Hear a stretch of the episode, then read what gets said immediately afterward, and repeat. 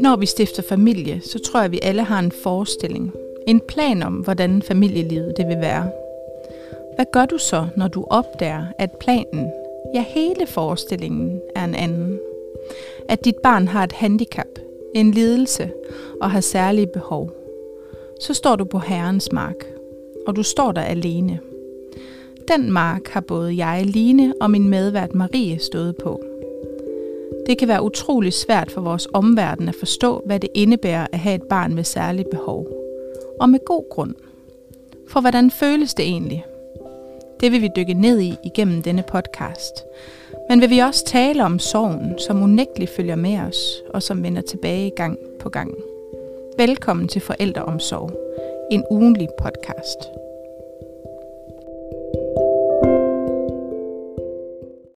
Hej Marie. Hej Line. Så er vi endelig i gang, Marie. Og det er vi nemlig. Ja, og øh, velkommen til jer lyttere. Nu er vi endelig i luften, og øh, vi har glædet os til at fortælle jer lidt omkring, hvordan det er at have et barn med særlige behov. Og vi vil lige starte med sådan en kort præsentation. Øh, Marie, vil du fortælle lidt om, om dig? Ja, jeg hedder Marie. Jeg er gift med Frederik. Vi øh, bor i Aalborg, og vi har Josefine på snart to år, og vi har Laura på snart fire år. Og det er egentlig Laura, det hele øh, kommer til at handle om. Hun øh, har en øh, sjælden genfejl, og ja, der medfølger, medfølger jo en masse ting med det. Så.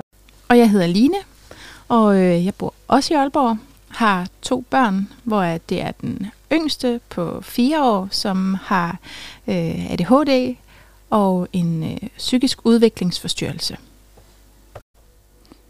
Behovet for den her podcast opstod ligesom fordi, at øh, vi mødte hinanden i en gruppe for børn med øh, særlige behov, hvor at øh, vi manglede et sted, hvor vi kunne dele nogle lidt svære følelser.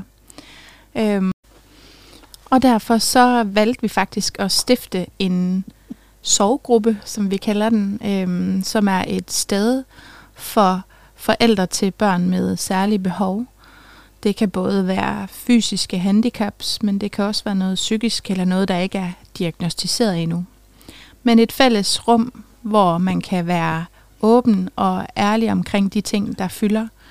Øhm, og måske et sted, hvor man særligt kan være ærlig omkring en fornemmelse af sorg. Mm. Og det er noget af det, vi skal snakke meget mere om, Marie. Hvad det er for en slags sorg. Og netop sorgen, det er noget, vi kommer til at snakke rigtig, rigtig meget om. Øhm, fordi det er jo enormt tabubelagt. Og det kan vi jo også se i vores øh, Facebook-gruppe. Hvad er det for en Facebook-gruppe, Marie? Ja, vi har jo også vores sorggruppe, Line. Og mm. det er jo øh, der, hvor det hele faktisk begyndte øh, med hensyn til vores podcast. Ja, og det var ligesom et det her øget øh, fokus, som blev skabt ved, at vi begyndte at i talesæt, hvordan sorg kan fylde. Øhm, og for mange af os, øh, jeg tror, vi blev blæst lidt bagover i forhold til, hvor mange der trykkede anmodning mm. om at være en del af, af vores øh, fællesskab og vores gruppe. Øhm, og derudaf, der kom ideen om, at hvad med, at vi laver en podcast til, øh, til bedsteforældrene, så at de ved, hvordan det er til omgangskredsen, så de ved, hvordan det er at have de her svære følelser, men nok særligt også til den mor eller den far, som lige føler nu sig føler sig alene. Ikke? Ja. Øhm, og, øh, og netop give mulighed for, at der faktisk er nogen, man kan spejle sig i omkring de her svære følelser. Og det er jo enormt opslidende at have et barn med særlige behov, og det er det for hele familien, og for hele den dynamik, som er i en familie. Øhm, og der er altid mange hensyn at tage, og flere hensyn, end man har i en familie med børn, der er, hvad skal man sige, neurotypiske. Og Marie, du ved jo, hvordan det også er det her med at have et barn med særlige behov, og leve i den her konstante kaos-tilstand, som man jo er en del af. Ja. Øhm, og for at give et billede til dem, som ikke ved, hvordan det er, så er det jo et liv, hvor man altid skal være øh, 10-20 skridt foran. Mm. Man har konstant antennerne ude i forhold til, om, øh, om barnet oplever for mange stimuli. Øhm, man er hele tiden opmærksom på øhm, at passe ekstra godt på det her barn. Øhm, sørge for, at barnet ikke bliver unødvendigt øh, belastet. Og generelt er det jo også, i hvert fald hvis jeg taler for, for mig selv, at, øhm, at det er jo også øh, hårdt for ens egen nervesystem at gå op i hele tiden. Øhm, og hvornår er det, vi får lov til at ventilere, og hvornår er det, vi får mulighed for at, øh, at lufte, hvor hårdt det er. Fordi det er jo øh, konstant 24 timer i døgnet. Og når jeg siger det på den måde, så er det jo også fordi, at mange af de her børn, der i hvert fald er neurodivergente, øhm, at de har jo også mange af dem nogle søvnforstyrrelser.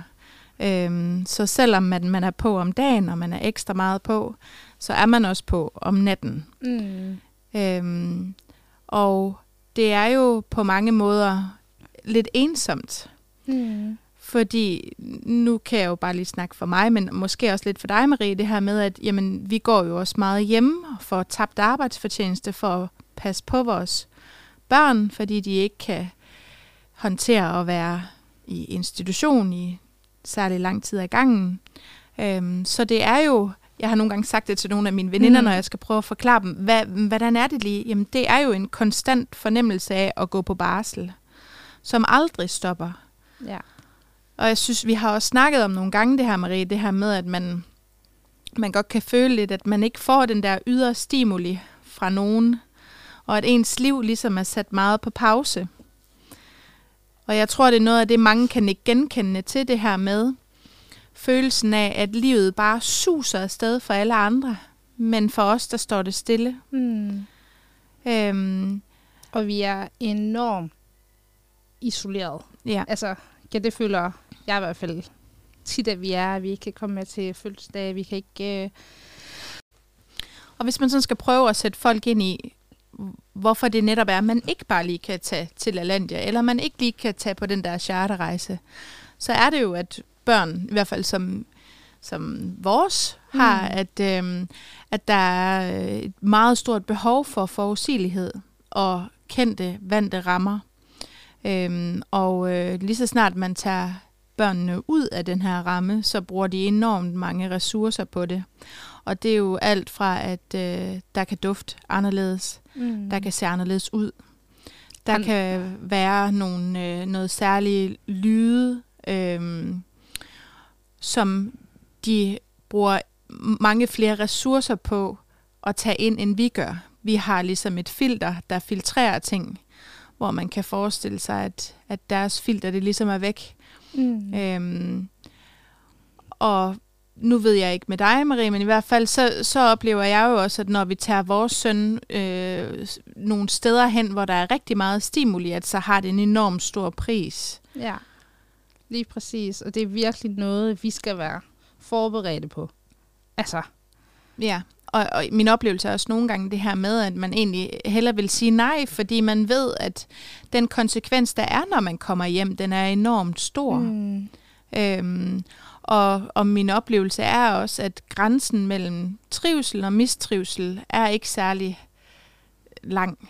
Altså, der, der er meget, øh, det er sådan meget på vippen hele tiden, hvor et neurotypisk barn, altså et barn uden en diagnose, har jo meget øh, længere line, ikke også? Mm. Og kan meget nemmere sige, at den er træt eller tage en pause, hvor at, øh, det, det er rigtig svært for i hvert fald nogle af de her børn med, med diagnoser, ikke også? Og, og selv at kunne, kunne øh, lade op igen. Og, øhm, og det kan være noget, der sætter sig i lang tid efterfølgende, øhm, som gør, at de får nogle uhensigtsmæssige handlemønstre. Nu kan jeg jo kun sige i forhold til os, men, men hos os kan det være nogle tics, eller nogle meget høje lyde, eller øhm, meget, meget høj arousal, som, øh, som gør, at, at det er rigtig svært at komme, komme ned igen i et normalt energiniveau. ja.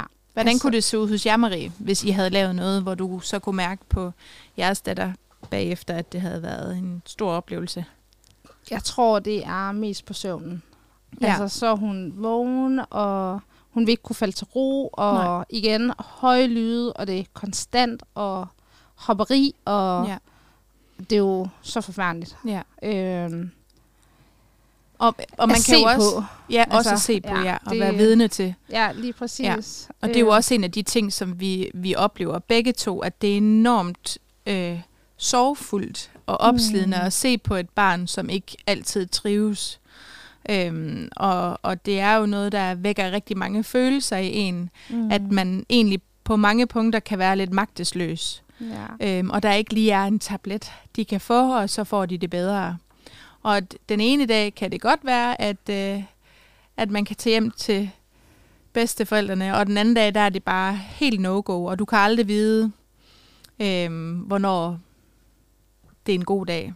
Nej, Nej. Lige præcis. Altså, det er virkelig en svær balance, Ja, men er i hele tiden. ja, Og bare det der med, okay, om det, man nu gerne vil, om det er det værd. Altså, ja lige det præcis. skal man virkelig hele tiden Jeg vil også sige, op. at jeg også er meget bevidst omkring det her, at, at det kan godt være, at jeg har lyst til, at vi skal lave noget som familie, også for særligt det større barn, som er velfungerende, hvad skal man sige. Øhm, men nogle gange så handler det også for mig om det her med, at jeg også skal kunne være mor, når vi er færdige med aktiviteten. Mm. Og det her med, at hvis jeg så allerede er fuldstændig færdig, fordi jeg har skulle øh, sørge for at skærme og sørge for, at øh, han sådan nogenlunde passer ind i den ramme, vi er, så er jeg også enormt træt bagefter. Og hvis jeg så oplever, at, at han ligesom har det endnu sværere, så er det også enormt svært at have et roligt nervesystem til at kunne hjælpe. Ja. Så Ja. nogle gange er det svært, det der med, man vil det gerne, men, men man har heller ikke kræfterne, fordi man har dårlig søvn og, og mange tanker, som også fylder altid. Ja. Problemet, det er faktisk også, at, at at man kan ikke altid kun koncentrere sig om barnet, fordi Nej. Der er en masse fagpersoner, Ja. men samtidig øh, er i øh, kontakt med hele tiden. Og Ja. det kan godt være, at man bare går derhjemme, øh, men man kan ikke bare sove, Mhm. øh, og man kan ikke bare øh, slappe af, fordi at man har tusind andre ting hele tiden. Altså, Ja. man skal ringe til fysen, man skal snakke med pædagogerne, man skal snakke med lægen, og... Og Jamen, man skal altså, altid på en eller anden måde ja. også være 10 skridt foran, fordi Ja. at, hvad skal man sige, behandlingstiden nogle gange også er enormt lang. Så Åh, man ved ja, også godt, ventetiden, det er det værste. Ja. Altså, ej, ja. Ja, så det er virkelig øh, på mange måder øh, opslidende. Mm. Og, og derfor er det jo øh, enormt dejligt, at der er mange derude, der har lyst til at høre om det, sådan at man ikke føler sig alene. Men for sådan lige at vende tilbage til sorg, som jo er sådan grundelementet i vores podcast, så, øhm, så kan det jo for mange virke lidt voldsomt at kalde det for en sorg. Og man kan sige, at vores børn er her jo. Øhm, de er i verden, vi har ikke mistet dem.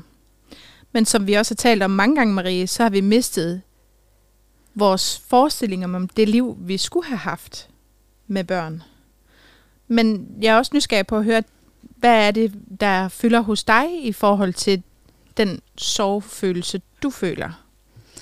Ja, øh, det er egentlig blevet ret voldsomt, fordi vi har fået Josefine, som er jo helt neotypisk.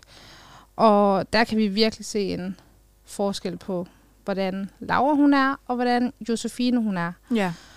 Og Laura, hun er jo øh, fire år nu, og hun har ikke noget sprog, og mentalt, ja, der er hun nok to. Og Josefine, hun kan jo snakke, og hun, hende kan man kommunikere med, og det hele, det er bare nemt med hende. ja. Du sidder faktisk med tårer i øjnene lige nu, Marie. Kan du, kan du fortælle lidt om, hvorfor du gør det? Hvad er det, der fylder? Jamen, ja, det er bare det der med, at ja, altså, det kommer rigtig meget af det der med, specielt når jeg henter Josefine hjem fra hendes øh, vuggestue, mm. og vi kan føre en samtale, og vi kan snakke om dagen og de andre børn, og sådan øh, nogle helt normale ting, og hun svarer jo, og hun mm. griner, og hun Ja. siger mor, og alt de her rigtig dejlige ting, hvor når jeg kører hjem med Laura fra børnehaven af, jamen der er der bare stille i bilen. Mm. Altså, det er helt slukket, hvis man Ja. ja. kan sige det sådan, og det synes jeg er så svært. Ja. Altså, Det kan jeg virkelig øh. Godt forstå. også bare det der med, jeg tænker rigtig meget på Lauras fremtid. Altså, Mm. mm. kommer hun nogensinde til at få en uddannelse? Ja. Ja. Og kommer hun nogensinde til at få en kæreste? Og sådan nogle ting. Men på den anden side, hun kender jo ikke til den verden jo. Nej. Men, Men derfor er det måske stadigvæk en illusion om, hvad du havde ønsket for dit første barn, ja. som, som du måske kan blive i tvivl om, om det kommer til at ske. Og det er jo selvfølgelig fyldt med en hel masse kedelighed og sorg, ja. kunne jeg forestille mig. For mig så tror jeg, at, at det der med at, at føle sorg, det også kommer meget i forhold til den dynamik, der er som søskende. Mm. At, øhm, at fordi at ens barn er neurodivergent, så i nogle tilfælde i hvert fald kan det være sværere med det her sociale og de sociale spilleregler. Og det kan være enormt svært at konflikthåndtere, og det kan det jo, hvad skal man sige, alle familier. Også familier med børn uden diagnoser. Men det er særligt sorgfuldt, synes jeg nogle gange, når at, at man har et, et, et barn, som virkelig gerne vil det andet, men det andet ikke kan finde ud af at indgå i relationen. Det synes jeg vejer tungt nogle gange. Øhm, fordi at man jo på en eller anden måde har lyst til, at når man tager på ferie sammen, så ser man sine børn lege, og man ser dem grine, og man ser dem være på bølgelængde. Hvor jeg tit oplever, at, at det, der er mere brug for her, det er, at jeg støtter og guider. Jeg står ved siden af hele tiden for at sikre mig, at det, de laver, at det også går, øh, hvad skal man sige, går rigtigt, og, og, Mm. at, øh, og at jeg også kan mærke, at jeg hele tiden skal være lidt på stikkerne i forhold til øhm, og, og sørge for, at, at det barn, vi har, der har, øhm, har en diagnose, forstår, hvad det andet barn øh, prøver at fortælle, fordi det er så enormt svært. Øhm, og det synes jeg på en eller anden måde er sorgfuldt, fordi det var ikke det, jeg havde ønsket mig. Øhm, og så tror jeg også, at, at og det har vi også talt om, Marie, det her med, at når der flytter hjælpemidler ind, altså for mig er det jo selvfølgelig, det har været rigtig rart, at man kan få kædedyne, og man kan få alle mulige forskellige hjælpemidler i hjemmet, men det er også enormt sorgfuldt, hver eneste gang, der kommer et nyt menneske ind i ens hjem, Mm. og så de ser, at man har en specialstol. Øhm, det fylder i mig, og ikke så meget, at, øh, hvad skal man sige, at, åh, hvad tænker de nu? Men øh, mit ønske om, at, at hvorfor er det nødvendigt?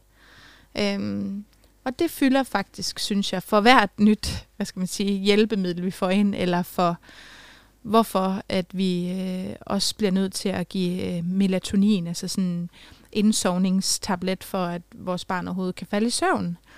Så jeg synes, der er sådan mange små elementer hele tiden, der nogle gange lige rammer. Ja. Jeg kan også give sådan et eksempel. Øhm, der, hvor vores øh, barn går i børnehave, det er en specialinstitution til børn med autisme og ADHD. Og lige overfor, der ligger der en, en almindelig børnehave. Og i starten, der havde jeg det sådan, hver evig eneste gang, jeg kørte ind der, så ville jeg bare ønske, at vi skulle ind i den anden børnehave. Og jeg er dybt taknemmelig for det tilbud, han har, og alt den hjælp, de giver. Men jeg havde da bare ønsket, at vi kunne gå ind i den anden. Øhm, og det er også sorgfuldt, synes jeg. Og at der vil vi- jeg faktisk lige melde ind, fordi mm. Der synes jeg godt, at forældre til neurotypiske børn faktisk ofte tager ting for givet. Mm. Fordi jeg vil ønske, at vi var så privilegerede, at vi selv kan vælge Ja. børnehave til vores børn. Vi Ja. selv kan vælge skole til vores børn. Ja. Og jeg synes, det er så forfærdeligt, at der er andre på vores vegne, der tager Ja, ja, beslutningen. de, ja lige præcis. Mm. Det synes jeg er virkelig svært. Og man kan sige, et er at tage beslutningen, noget andet er, at man jo også virkelig skal kæmpe med næb og klør for øh, at opleve, at ens barn kommer i det rigtige dagtilbud. Og det er jo også noget af det, som vi oplever, når vi taler åbent omkring det her, og også i vores gruppe, at der er rigtig mange øh, forældre, som kæmper en brav kamp om at få den støtte, som deres barn har behov for. Og så kan man jo forestille sig, at man øh, både skal være øh, 200% forældre til børn med særlige behov, og så skal du også øh, snakke med kommunen, og du skal banke i bordet hele tiden, og, og altså, man er jo, øh, man er jo ikke fuldstændig øh, fyldt med ressourcer hele tiden, så det er jo enormt opslidende.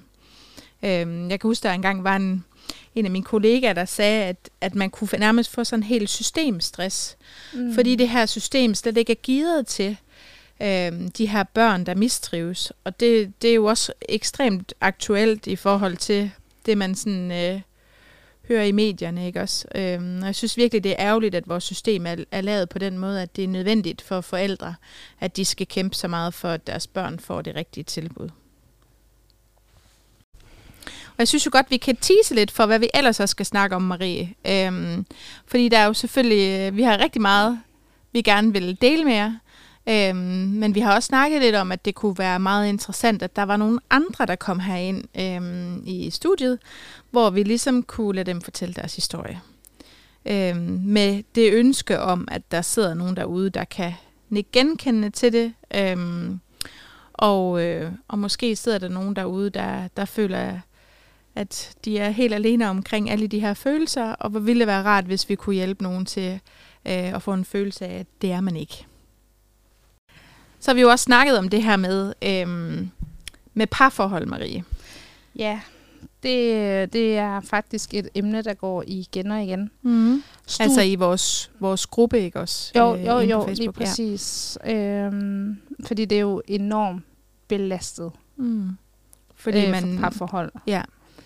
Og mange oplever øhm, det her med, at man hele tiden bliver nødt til at dele sig op. Man bliver nødt til øhm, at aflaste hinanden, sådan at man nogle gange tager en tørn, og så mm. trænger man til at puste ud bagefter. Og så er der jo i begge vores tilfælde jo også, at der er et barn mere, som jo også skal have noget opmærksomhed. Øhm, og noget alene tid en gang imellem. Jeg har jo en mand. Mm. Og de tænker måske lidt anderledes end os kvinder. Og øh, jeg føler i hvert fald tit, at, at mange af de ting, jeg skal stå for, er på grund af, at jeg er mor. Mm. Altså generelt bare, at det gør mor, og det gør mor, og det gør mor, og så har far den sjove del med mm. børnene. Øh, både med, i mit tilfælde, både med Laura, men også med øh, Josefine. Mm. Og øh, som aften, så kan man jo godt være rigtig, rigtig, rigtig træt som mor. Ja. Og det forstår men ikke altid, fordi Nej. at de er jo ikke trætte på samme måde. De mm. øh, har jo også et job, de kommer ud mm. på og får den stimuli fra andre voksne mennesker, som, mm. øh, som jeg for eksempel ikke får, fordi jo, jeg får den ved at snakke med fagfolk, men, øh, ja. men det er ikke, det er ikke sådan, hvor jeg tænker, hold kæft, hvor er det fedt, mand. Nej, Skal nej. vi være venner? Ja. Ej, det, ikke? Lige præcis, ja. Øhm, øhm, og det, det synes jeg er svært at navigere i mm. øh, tit. Øhm, fordi man skal også samtidig faktisk passe på ens parforhold. Ja. At man ikke går fra hinanden. Og man kan sige, at det er jo en unægtelig konsekvens nogle gange, at det er det, der kommer til at ske, fordi at man er så enormt meget på overarbejde, og man simpelthen bliver nødt til at prioritere sine ressourcer, og sige, lige nu der er der ikke tid til dig og mig. Ja. Nu er der kun tid til at passe på, at øh, nu slukker vi bare ildebranden. Mm. Øhm, og, øh, og det er jo enormt opslidende, ikke også? Hele tiden og, øh, og skulle det. Og hele tiden også det her med, at hver evig eneste gang, man så kommunikerer som par, jamen, så handler det jo ofte om, har du husket den her vigtige ting, og det der, det skal vi huske at øh, melde tilbage på, om møder og så videre og så videre og så videre. Så det bliver jo meget et makkerskab. Ja, det, det er rigtigt. Jeg tænker også nogle gange på det her med, at øhm, i forhold til at, at bearbejde, hvad skal man sige, det med, at man har fået et barn med med en diagnose, eller det kan jo også være en, en anden form for sygdom, at, at det bearbejder man jo heller ikke som par fuldstændig ens. Øhm, og det kan også være enormt svært, at den ene kan reagere med vrede, eller den anden kan reagere med kedelighed, og man kan have svært ved at se hinanden og, hvad skal man sige, have forståelsen for hinanden nogle gange. Og måske giver det også anledning til flere skænderier over små ting, øhm, fordi man er fyldt op. Jeg ved også noget af det, som mange de har efterspurgt, at man kan tale åbent omkring, det er det her med, at man jo som familie ofte bliver nødt til at sige nej til rigtig mange ting.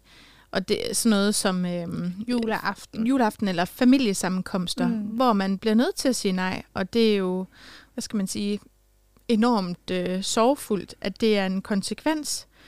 Og det er også rigtig svært at være, hvad skal man sige, standhaftig omkring de beslutninger, fordi at man jo også rigtig gerne vil vise det her dejlige barn frem, fordi ingen tvivl om det, at begge de børn, man har fået, eller hvad skal man sige, er man jo glade for.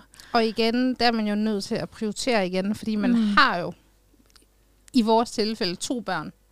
Ja.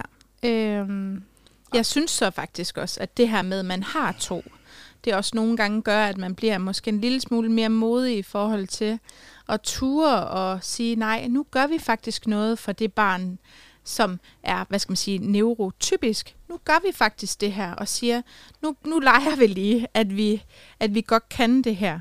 Øhm, for også at give en fornemmelse af, at, at vi er en, en familie, eller hvad skal man sige. Men det er jo... Øhm, det er jo enormt svært, fordi det også er en bevidst beslutning omkring noget, hvor man ved, at det kommer til at gå ud over det barn, som har svært ved at håndtere det. Jeg tænker også noget af det, som kan fylde rigtig meget i mig, det er det her med, når jeg tager mit barn med ud i verden, eller hvad skal man Mm. sige, i samfundet, og jeg oplever øhm, de der øjne fra folk, som, som siger mig, ej, hvorfor er det, han siger de lyde? Ej, hvorfor gør du sådan? Eller hvorfor går du ikke ned og tør om ham, når han græder? Eller øhm, når jeg oplever, at min søn, han er anderledes. Fordi det er han jo. Og det synes jeg kan være en endnu mere sorgfuldt, når jeg kan se på andre forældre, bedsteforældre, eller hvad det er, der kigger på mig, men også kigger på mit barn med sådan en følelse af, hvad, hvad er du for en? Eller det er i hvert fald den følelse, jeg sidder tilbage med, det det der med, lad være med at glo sådan. Jeg prøver faktisk at gøre det så godt, som jeg nu kan.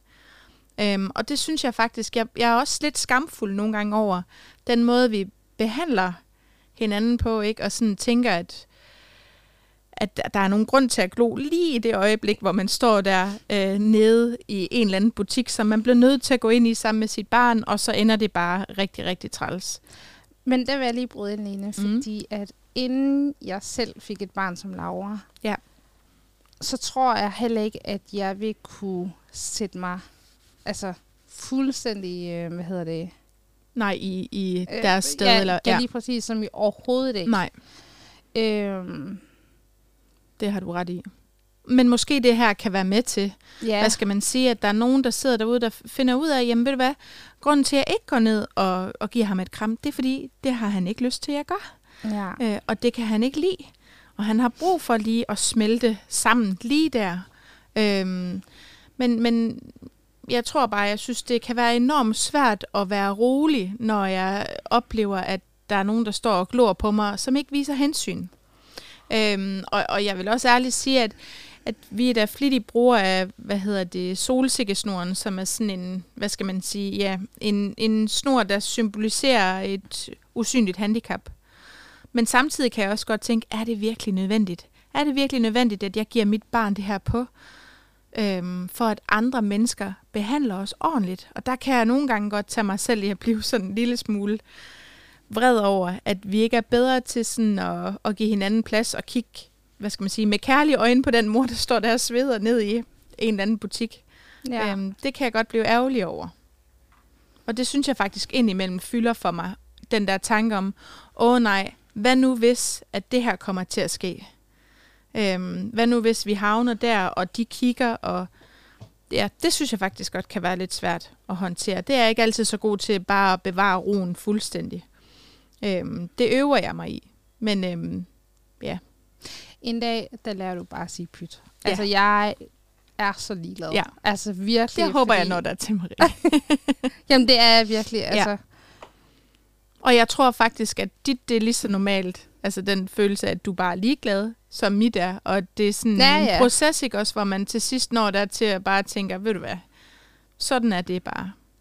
Men jeg synes, det kan være svært, og jeg synes også, det kan være svært, når der er nogen, der spørger, Nå, går du hjem? Ej, det må da være dejligt, og dejligt, du kan det, og så videre, og så videre, som om, at det bare er lykken, det hele, ikke også? Øhm, hvor min oplevelse er, at hvis mit barn sad øh, og var syg med en eller anden fysisk sygdom, at så, øh, så var det ikke sådan, de ville sige. Så vil de sige, ej, hvor må det være hårdt og tungt. Øhm, men det her usy- den usynlige del af det, det er øh, på en eller anden måde svært for andre folk. Og det kan jeg virkelig godt forstå også. Øhm, men måske vi kan flytte nogen med vores snakke. ja. Ja.